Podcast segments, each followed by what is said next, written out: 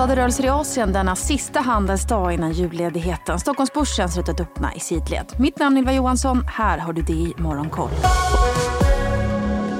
Och vi börjar i Japan. Tokyobörsen handlas i sidled efter att den japanska inflationen sjunkit rejält i november till 2,5 procent, vilket var i linje med förväntan. Inflationen sjönk därmed i sin snabbaste takt på ett år, vilket minskar trycket lite på Bank of Japan att fasa ut den underlätta penningpolitiken.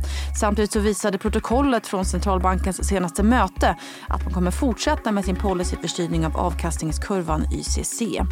Och efter att Toyota tidigare i veckan meddelat att man återkallar över en miljon bilar från USA meddelar nu Honda att man återkallar 4,5 miljoner fordon världen över till följd av risker för bränslepumpsfel. Aktien handlas i sidled på Tokyobörsen.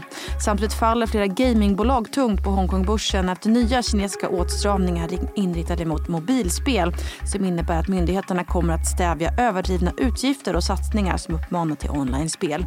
NetEase faller tyngst och rasar över 20% men även Tencent faller 12 och så inför Kina nu nya exportstopp på vissa sällsynta jordartsmetaller som är väsentliga i utvecklingen av elbilar och annan elektronik. Kina är ju världens största framställare av just sällsynta jordartsmetaller och exportstoppet ses som ännu ett led i handelskonflikten med USA. Hongkongbörsen är ner 1,5 Shanghai-börsen handlas i sidled och Shenzhenbörsen stiger nästan 1% Oljepriset stiger också närmare 1 idag samtidigt som spänningarna kvarstår i Röda havet och efter att Angola igår med meddelat att man kommer dra sig ur oljekartellen OPEC+. Brentoljan kostar 80 dollar fatet. Börserna på Wall Street rekylerade upp igår efter att lägre amerikansk tillväxt än väntat i tredje kvartalet återigen eldat på marknadens förhoppningar om omfattande räntesänkningar nästa år.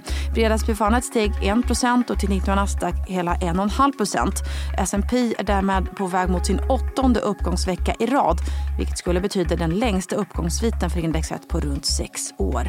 Nike släppte rapporter till stängning och redovisade ett bättre resultat än väntat. Bolaget meddelade dock samtidigt att man genomför sparåtgärder och att man förväntar sig omstruktureringskostnader på 400 till 450 miljoner dollar i nästa kvartal. Aktien rasade 11% i efterhanden.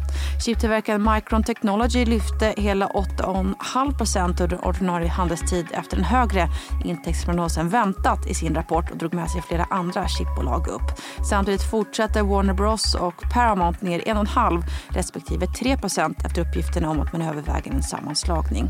Marknaden inväntar nu Feds favoritmått på inflation mätt som PCE i eftermiddag som väntas ha sjunkit tillbaka ytterligare i november.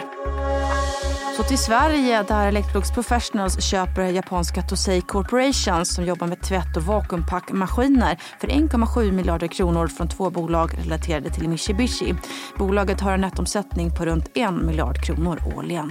Och så meddelar krisande bygghandlaren BOG nya effektiviseringsåtgärder som ska spara bolaget cirka 30 miljoner kronor på årsbasis.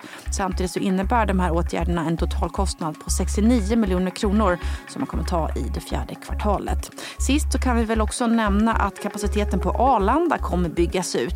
Igår meddelade regeringen att en ny samordnare kommer tillsättas för att se över kapaciteten samt hur tillgängligheten till och från flygplatsen kan förbättras. Mitt namn är Ylva Johansson. Det här var den sista Det är Morgonkoll när vi tar ett kort juluppehåll. Vi är dock tillbaka igen i mellandagarna.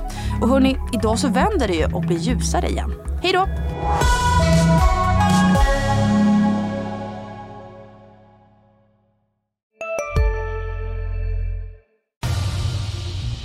Expressen gör varje vecka podden Politikrummet där vi djupdyker i det senaste och viktigaste inom svensk politik. Med mig Filippa Rogvall som programledare tillsammans med mina vassa kollegor. Och det är ju ni som heter Thomas Nordenskjöld, Anette Holmqvist och Viktor Bartkron. Politikrummet kommer med ett nytt avsnitt varje tisdag. Vi hörs.